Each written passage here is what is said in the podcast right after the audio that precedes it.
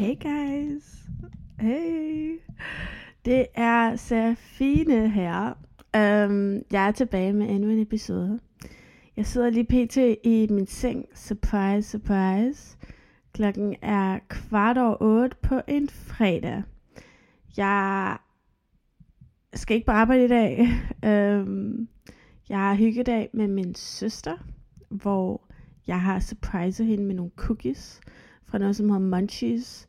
Og det er sådan nogle virkelig... Det er lidt ligesom Combo fra USA, hvis I har set til noget. Um, hvor jeg kunne få seks gratis cookies. Så jeg tror, jeg skal taste test cookies med hende. Um, og ellers bare til træning og hygge med min mor. Fordi i morgen skal jeg arbejde rigtig tidligt, så jeg tager ikke ud i dag. Yes. Det var en lille update herfra. Um, Udover det, så synes jeg faktisk, at december måned, den 15. december i dag, det ved jeg ikke, om jeg har sagt, men det har været en virkelig, virkelig god måned. Um, altså, jeg er faktisk i chok. Kender I det nogle gange, når man kigger tilbage på en ferie, eller man kigger tilbage på en periode i sit liv, og man tænker bare, wow, jeg savner den periode. Ej, jeg vil bare ønske at sætte mere pris på det. Jeg føler oprigtigt, at jeg er i den periode lige nu og her. Men jeg er bare så glad, fordi jeg sætter rent faktisk pris på det. Jeg kan faktisk se, at jeg er i en god periode af mit liv. Um, og jeg ved faktisk, jeg ved ikke, hvad det er, der, der gør det. Altså jeg tror bare mentalt, er jeg virkelig bevidst omkring mig selv, og hvad jeg har brug for. Og jeg føler, at jeg har skabt nogle rigtig gode rutiner for mig selv, angående struktur og arbejde og træning, men også socialt liv, og også, øhm, ja, det hele. Jeg føler faktisk, at, ja, ej, jeg ved ikke, jeg bliver sådan helt, ja, det var det nærmest for godt til at være sandt, kender det? Man regner altid med, når nu er du i en god periode i dit liv, lige om lidt sker der noget dårligt. Øhm, men nej, jeg, jeg er virkelig glad. Og jeg tror det er fordi, at se i bagspejlet, jeg ved jo ikke, om det er normalt at være så glad, især når det er vinter. Men det er også fordi, sidste december så havde det virkelig skidt. Øhm, men det er også fordi, jeg havde det virkelig skidt angående alt med mad og så videre. Men nu har jeg så også lige sluttet min, øh, mit forløb i, øh, hos øh, en øh, spiseforstyrrelseklinik. Øh, jeg har været i gruppeterapi og solo-terapi. Øh, jeg har været igennem alle mulige forløb, fordi jeg har virkelig døjet med mad i mange år. Øh, så det her er ikke det første forløb, jeg har været igennem. Men det er afsluttet, og jeg føler oprigtigt, at jeg aldrig har haft det bedre angående mad og min krop, og hvordan jeg agerer rundt i det. Så slag for det. Også bare det der med, at jeg siger det her højt lige nu. Det her har været en meget stor hemmelighed for mig. Øhm, jeg har slet ikke tur sige det højt til nogen fordi jeg vil slet ikke skabe mere fokus på mig selv eller min krop end nødvendigt. Øhm, det har været noget, jeg har været totalt skammer over, og jeg tror også, grund til, at jeg ikke har givet sit højt, er fordi, jeg har bare været i benægt, benægt, øhm, og bare tænkt, ej, det er ikke så slemt. Sådan, jeg, jeg har det meget godt. Jeg har det virkelig godt. Men i virkeligheden, så selv hvis man er en, hvad skal man sige, normal størrelse, jeg, jeg, jeg ved ikke engang, hvad jeg skal hvordan jeg skal beskrive det lige nu, men selv hvis ikke man er såkaldt undervægtig ifølge BMI, så kan man stadig have mange problemer med mad, og man kan stadig være meget overoptaget af mad, og det kan stadig fylde meget mentalt, og det er også derfor, det er ultra vigtigt, at man får hjælp for det, fordi det er ligesom en, hvad skal man sige, en silent kamp, altså inde i dit eget hoved, øhm, og hvis ikke du får hjælp for det, så den forsvinder jo ikke bare af sig selv, alle de tanker. Um, så nu har jeg bare, jeg kan bare mærke, at jeg har så meget mentalt overskud. Og jeg tror også, grund til, at jeg tør sige det højt lige, lige nu her, altså til en hel masse fremmede mennesker på min podcast, det er, fordi jeg er oprigtigt et virkelig godt sted. Igen, hvis jeg var i mine problemer, og hvis jeg havde det svært, så ville jeg aldrig nogensinde ture sige det højt. Fordi jeg vil bare være sådan, uh, det er for skræmmende. Men ja, så jeg tror også, det, jeg tror også, det er virkelig godt tegn, det med, at lige nu og her, så har jeg det, øhm, jeg har meget ro i maven i at sige det lige nu.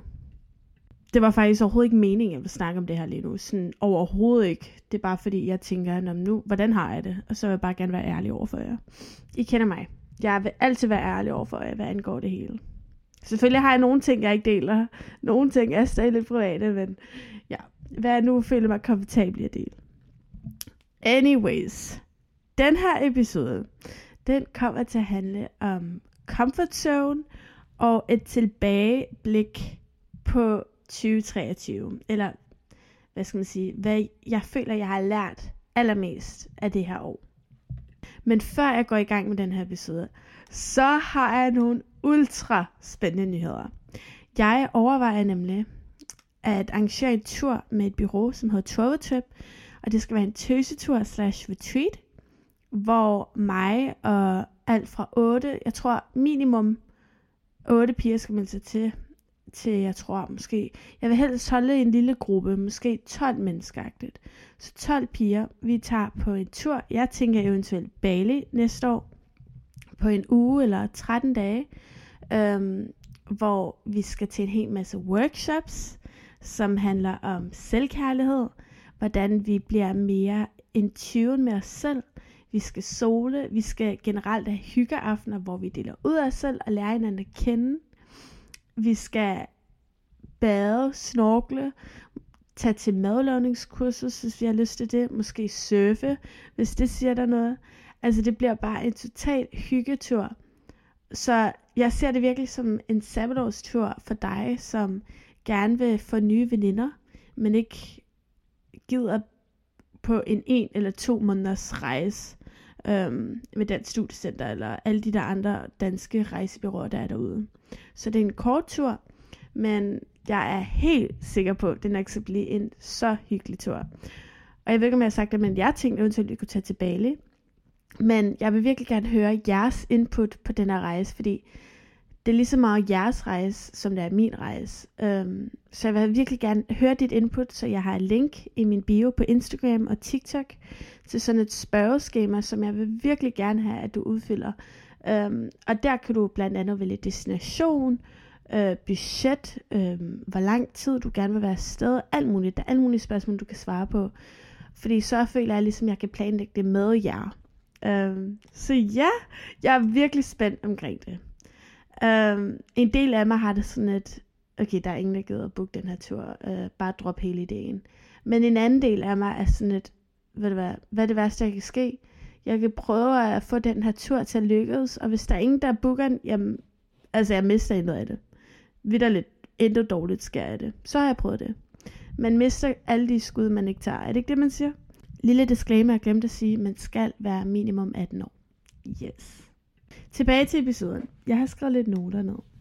Så for nyligt er der en TikTok-trend, som går rundt angående 2023, hvor man skal ligesom poste et billede af hver måned, man har haft i 2023. Det er ligesom et tilbageblik på året. Og det gjorde jeg så. Øhm, jeg postede den, men så, så blev jeg i tvivl, så jeg slettede den igen. Så du kan faktisk ikke se TikTok'en. men det er ikke pointen. Pointen er, at mens jeg ligesom reflekterede tilbage over mit år, så fandt jeg virkelig ud af, hvor meget jeg har udviklet mig igennem det her år.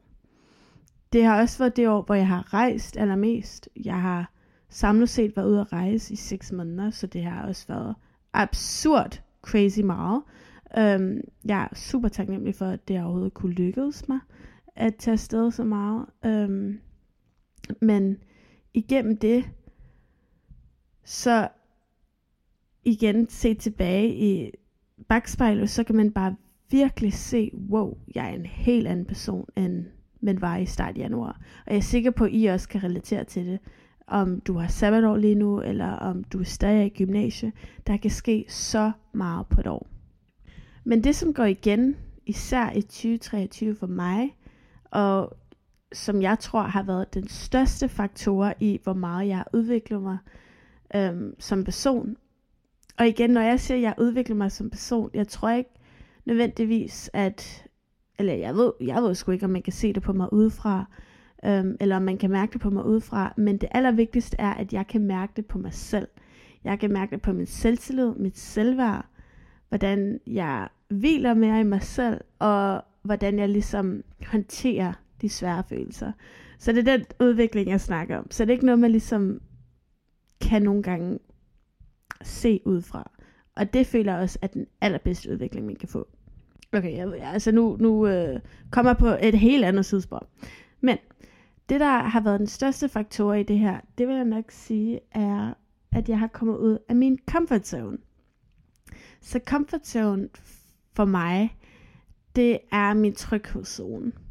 Og jeg kan huske i 2022 var det så, så var jeg en rigtig stor fan af min tryghedszone. Um, øhm, jeg isolerede mig meget fra veninder. Jeg kunne rigtig godt lide at være derhjemme. Um, og tog på arbejde og brugte rigtig meget min tid på arbejde. Jeg havde ikke så mange fremtidsplaner, altså i forhold til om weekenden og små rejser eller små aktiviteter. Altså det var ikke som om, jeg havde strukturerede planer i fremtiden. Jeg var meget sådan der trygheds, og ej, nu skal jeg bare være derhjemme og se en god film, og hygge med min familie, og de aller tætteste veninder. Um, jeg gad ikke rigtig feste, fordi, for at være helt ærlig, jeg følte mig ikke selvsikker, så jeg gad ikke på sø, og det føltes bare så overflødigt, at drikke mig fuld, når i virkeligheden var det ikke det, jeg havde lyst til. Så i stedet for at tvinge mig selv ud i sådan noget, så blev jeg bare derhjemme. Og forstå mig ret, det der intet galt Jeg er så glad for, at jeg gjorde det. Altså, fordi det var det, jeg havde brug for i det moment. Og den kapitel af mit liv, det er jeg så glad for, at jeg gjorde. Men når det så er sagt, så kan jeg mærke i det her år, så har det faktisk virkelig udviklet mig at komme ud af min tryghedszone.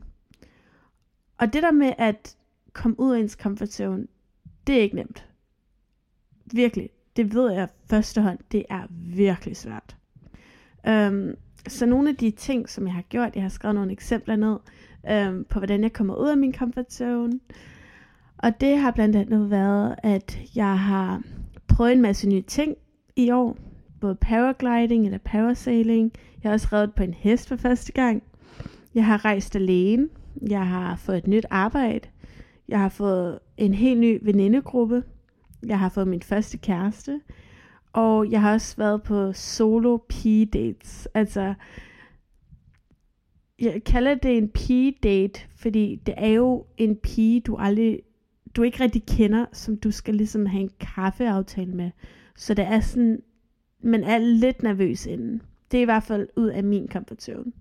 Så det er nogle af de eksempler på, at jeg kommer ud af min tryghedszone.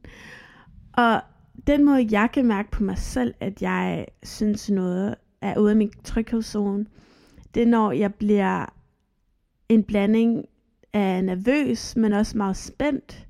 Jeg føler mig meget urolig i kroppen. Øhm, det er en noget, som jeg godt kan overtænke flere dage, inden jeg rent faktisk skal gøre det.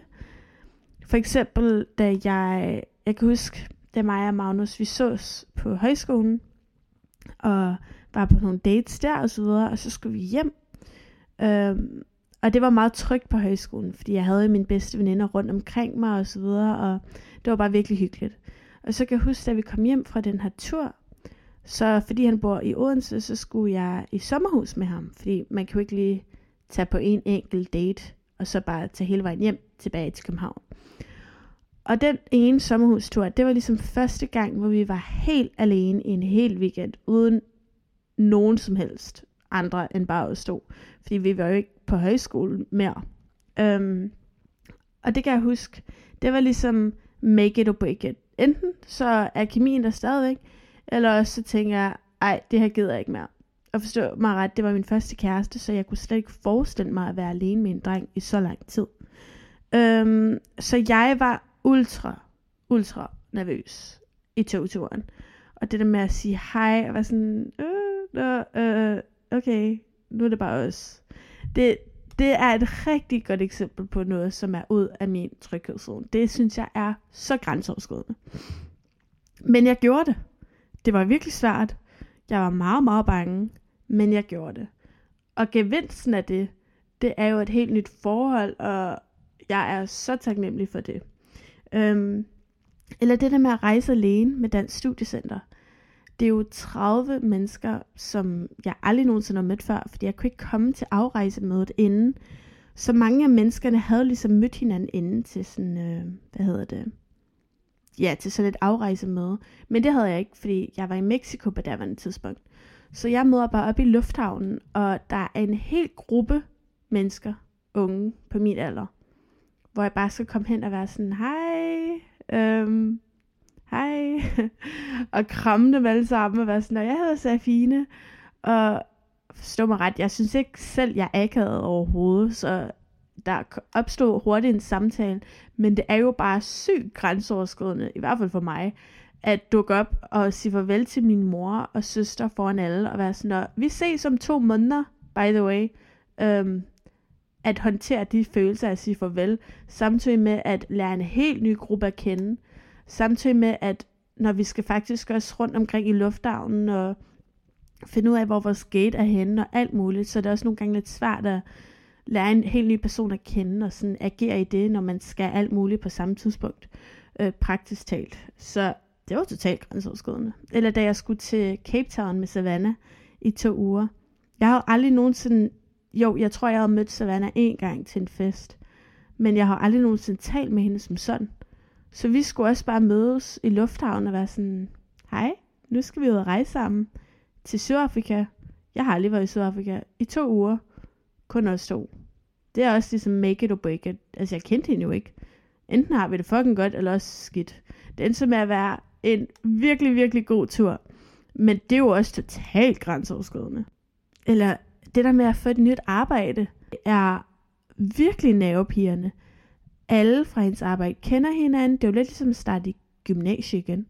Og så skal man både være altså, god til at udføre en specifik ydelse, såsom jeg er barista, lave kaffe og servere maden og alt muligt, men også være social med ens nye kollegaer og komme ind i varmen på dem og alt muligt. Altså, hvorfor er der ikke flere, der taler om, hvor svært det egentlig er? Det er ikke engang svært, fordi folk er jo super åbne over for en, men ja, jeg var i hvert fald meget nervøs. Og jeg tror, at jeg er den type person, jeg kan, jeg er naturligt meget introvert. Øhm, det var i hvert fald mig i 2022. Så for mig, så er det de mindste sociale ting, som gjorde, at jeg følte, okay, det her er grænseoverskridende. Øhm, eller okay, nu er jeg nervøs faktisk. Men ved at ligesom hele tiden komme ud af min tryghedszone, lidt efter lidt efter lidt, så føler jeg, at min egen personlige boble har ekspanderet sig. Så nu er det som om, jeg bliver slet ikke lige så nervøs, når jeg skal kaste mig ud i nye ting, eller prøve nye ting alene, fordi jeg netop har gjort alle de her ting alene. Mit bedste veninde var der ikke for mig, da jeg var i de her situationer, hvor jeg følte mig ængstelig. Men jeg kom igennem det alene. Og netop derfor, så stod der mere på mig selv, og jeg tror også, det der min udvikling ligger. Fordi jeg føler, at jeg har bevist over for mig selv, wow, jeg har gjort alle de her ting, som jeg var så bange for at gøre i momentet. Men ved du hvad, jeg kom ud af det i live. Forstår mig ret nogle gange, når jeg har været så nervøs for sådan social, øh, ja, social ting, øh, så har jeg vidderligt følt, at det har været livstruende. Ej, også nu, når jeg siger det højt, det lyder så åndssvagt. Men jeg kan huske i 2G for eksempel, så var jeg også en helt anden person. Men så øh, kan jeg huske, at jeg havde skrevet til en venner på Instagram, om øh, han vil mødes til en kaffe, eller en øl, undskyld, på date med mig. Jeg har aldrig nogensinde mødt ham før. Det var faktisk en konsekvens, jeg har lavet med Emma. Fordi jeg ville også gerne, så skulle hun have skrevet til en dreng, hun ikke har mødt før. Så skulle jeg også skrive, og så skulle vi begge to på date. Um, og det er fordi, vi har set rigtig meget Sex and City, og vi tænkte, nu skal der ske noget i vores liv. Nu gør vi det bare. Og jeg kan huske, at jeg var så nervøs inden. Jeg holdt lyst til at aflyse, og jeg tænkte bare, det, hvorfor har jeg nogensinde rådet mig ud i den her situation? Altså jeg var så nervøs, det føles jo nærmest livstruende, fordi man kan mærke på sin krop, sådan det her, det er grænseoverskridende. Jeg er så bange for, at det bliver akavet. Øhm, og når man tænker tilbage på det, så tænker jeg sådan, okay, og hvad hvis det blev akavet? Sådan, det er faktisk umuligt, at det ikke bliver akavet. I kender faktisk ikke hinanden. Selvfølgelig er det lidt underligt i starten, men det skal nok gå. Øhm, og der skete endnu dårligt ved det. Han var super flink intet der. Øhm, så ja, hvor, hvor, det her er endnu et tidsspørg. Hvad snakker jeg om? Nå, nå jo, det kan føles livstruende, fordi det kan det virkelig. Så når det er, at jeg prædiker eller fortæller jer om, hvor vigtigt det er at komme ud af sin comfort zone, så forstår mig ret, eller jeg ved godt, hvor grænseoverskridende og hvor ubehageligt det er. Det er yderst ubehageligt. Øhm, men er også et resultat af, at kan fortælle jer, at jeg ved også godt, hvor meget det kan gavne dig, efter du har gjort det. Så derfor vil jeg bare dele nogle af de her ting, for ligesom at give dig et ekstra boost for dit næste år 2024 at springe ud i ting. Tag til den fest alene, eller du ved, tag på den date, eller tag på den rejse, som du har tænkt mig over. Jeg er helt sikker på, at lige nu, så er der en tanke, der popper op i dit hoved, hvor du tænker, ej, det der, det er måske noget, som jeg godt kunne gøre. Det er måske noget, det, det er måske den ene ting, som Fine prøver at få mig til. Ja, det er. Gør det. Du lever kun én gang. Du er kun ung én gang. Hvad er det værste, der kan ske? Du dør ikke af det. Selvom det kan fysisk føles som det, så dør du ikke af det. Og jeg lover, at jo flere gange du altså er modig og kommer ud af din tryghedszone, jo nemmere bliver det gang til gang. Jeg har altid set op til mine forældre og tænkt mange gange og spurgt dem ind til sådan der, synes du ikke det er grænseoverskridende, at du skal holde et møde foran alle de her mennesker på arbejde? Så er de sådan, jo lidt, men jeg blev vant til det nu. Eller også min far, han også sådan, nej, det synes jeg ikke. Hvor jeg altid tænkte sådan, altså lever du på en anden planet? Hvordan kan du ikke blive nervøs af at fremlægge foran 100 mennesker? Det forstår jeg simpelthen ikke. Og det er netop fordi, at de har øvet sig og gjort det så mange gange, at det nærmest har skubbet den barriere ned. Og jeg tror, det er det, jeg har ligesom forstået i det her år, at det er sådan, det fungerer. Men det er hårdt arbejde, det er det virkelig. Og det kan også bare være en lille ting, så som at vise omsorg, eller hvad skal man sige, være sårbar over for en anden person. Det er også noget, som jeg har haft svært ved. Det der med at åbne op omkring de svære emner over for sine veninder, eller åbne op over for nye mennesker i sit liv. Jeg føler, at jeg får en helt ny venindegruppe også gennem den studiecenter, hvor jeg ligesom skulle lære at åbne mig op over for nye veninder, selvom jeg har en rigtig god kernegruppe fra gymnasiet, så valgte jeg bevidst, okay, jeg vil, jeg vil gerne have plads til endnu flere mennesker i mit liv. Og det kan være virkelig svært at åbne sig op. Der, det er jo forskelligt fra person til person, hvor ens comfort zone ligger. Øhm, og hvad der gør en nervøs slash spændt. Øhm, det er jo meget forskelligt. Noget andet, jeg føler, jeg har lært i 2023, øhm, udover at jeg føler, jeg har lært mig om mig selv, øhm, og i virkeligheden så kommer... Okay, det her lyder så cheesy. Jeg skal virkelig nogle gange tage mig sammen. Men jeg føler, at ægte glæde, det kommer fra ens selv og ens mentale. Det har nødvendigvis ikke noget at gøre med ens fysiske omstændigheder. Og det her siger jeg med et grænsalt, fordi jeg er helt med på, at hvis du hvis din fysiske omstændigheder er lort, hvis du er i krig, hvis du vidderligt ikke har mad på bordet eller ringende vand, så selvfølgelig er dit mental også virkelig lort. Øhm, og jeg har en meget privilegie, privilegeret undskyld, fysisk omstændighed, så jeg har intet at sige, hvad angår det. Men det jeg mener med det her, det er, at jeg har oftest været på nogle totalt luksuriøse rejser, men hvor min mentale har været lort, og det har ødelagt hele ferien. Øhm, så i slutningen af dagen, så handler det virkelig om, hvad der foregår op i et hoved på dig selv, og, og det der med at lære dig selv at kende, og det der med at lytte til din krop. Og det føler jeg oprigtigt, man gør i sit, i sit sabbatår. Man skal bevidst vælge, okay, altså hvad vil jeg gerne arbejde med? Man er ligesom tvunget til at finde ud af, hvad, hvad skal overhovedet lave med mit liv? Hvad for en uddannelse vil jeg tage? Hvornår vil jeg starte min uddannelse? hvad vil jeg lave i mit sabbatår? Altså siden man har været et lille bitte barn, fem år gammel, måske endda et år gammel, så er man jo blevet tvunget i vuggestue, og så derefter de resterende 19, 18 år i sit liv, så er du blevet fortalt hver evig eneste dag, nu skal du i skole, nu har du weekend, nu har du ferie, nu skal du lave den her aflevering, hvis du gerne vil blive ved med det her, så skal du lave de her lektier. Du seriøst blev fortalt, siden du har været en baby, hvordan strukturen på din hverdag skal være. I sit sabbatår er første gang i hele dit liv, at du faktisk kan vælge, hvad vil jeg? Sådan vidderligt, hvad vil jeg? Har jeg lyst til at arbejde med børn? Har jeg lyst til at arbejde på en natklub? Har jeg lyst til at arbejde som barista? Har jeg lyst til at arbejde på et lager? Jeg ved godt, at man ikke nødvendigvis har alle muligheder i verden, fordi det kan være virkelig svært at finde et arbejde øhm, i en sabbatår.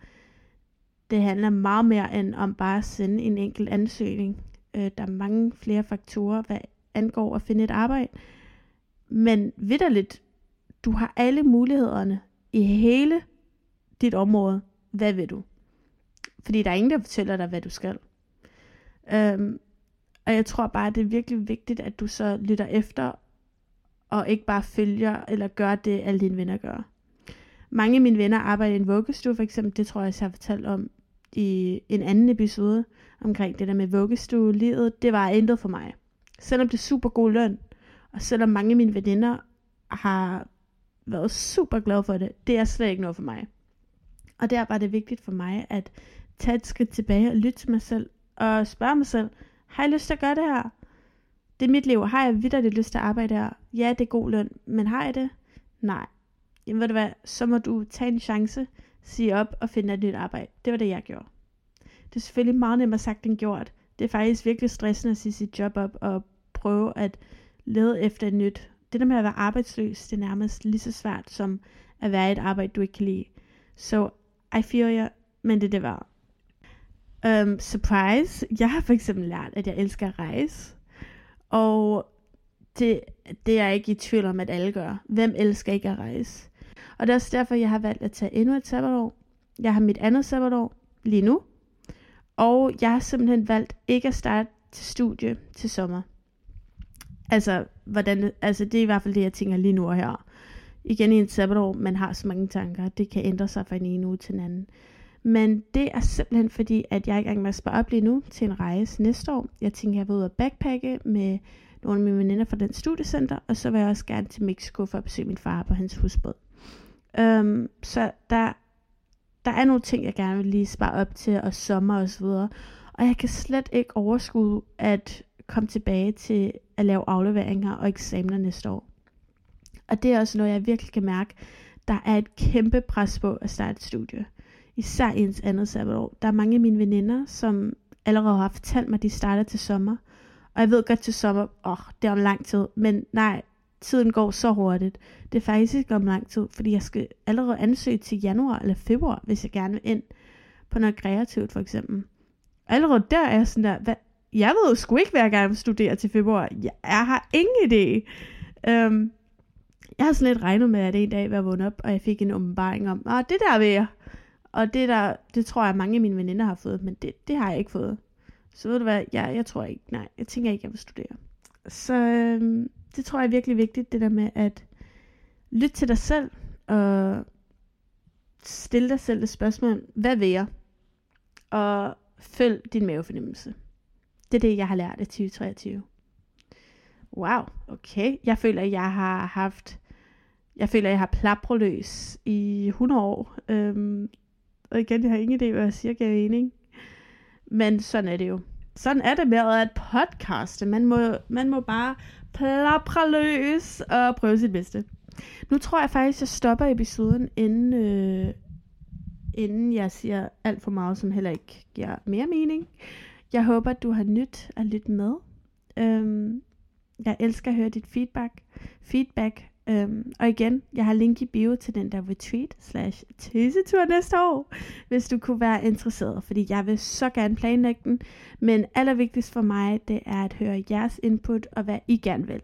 Så det vil betyde hele verden for mig, hvis du udfyldte den spørgeskema. Okay. Knus herfra, knus fra Fine og kæmpe virtuel krammer. Bye bye!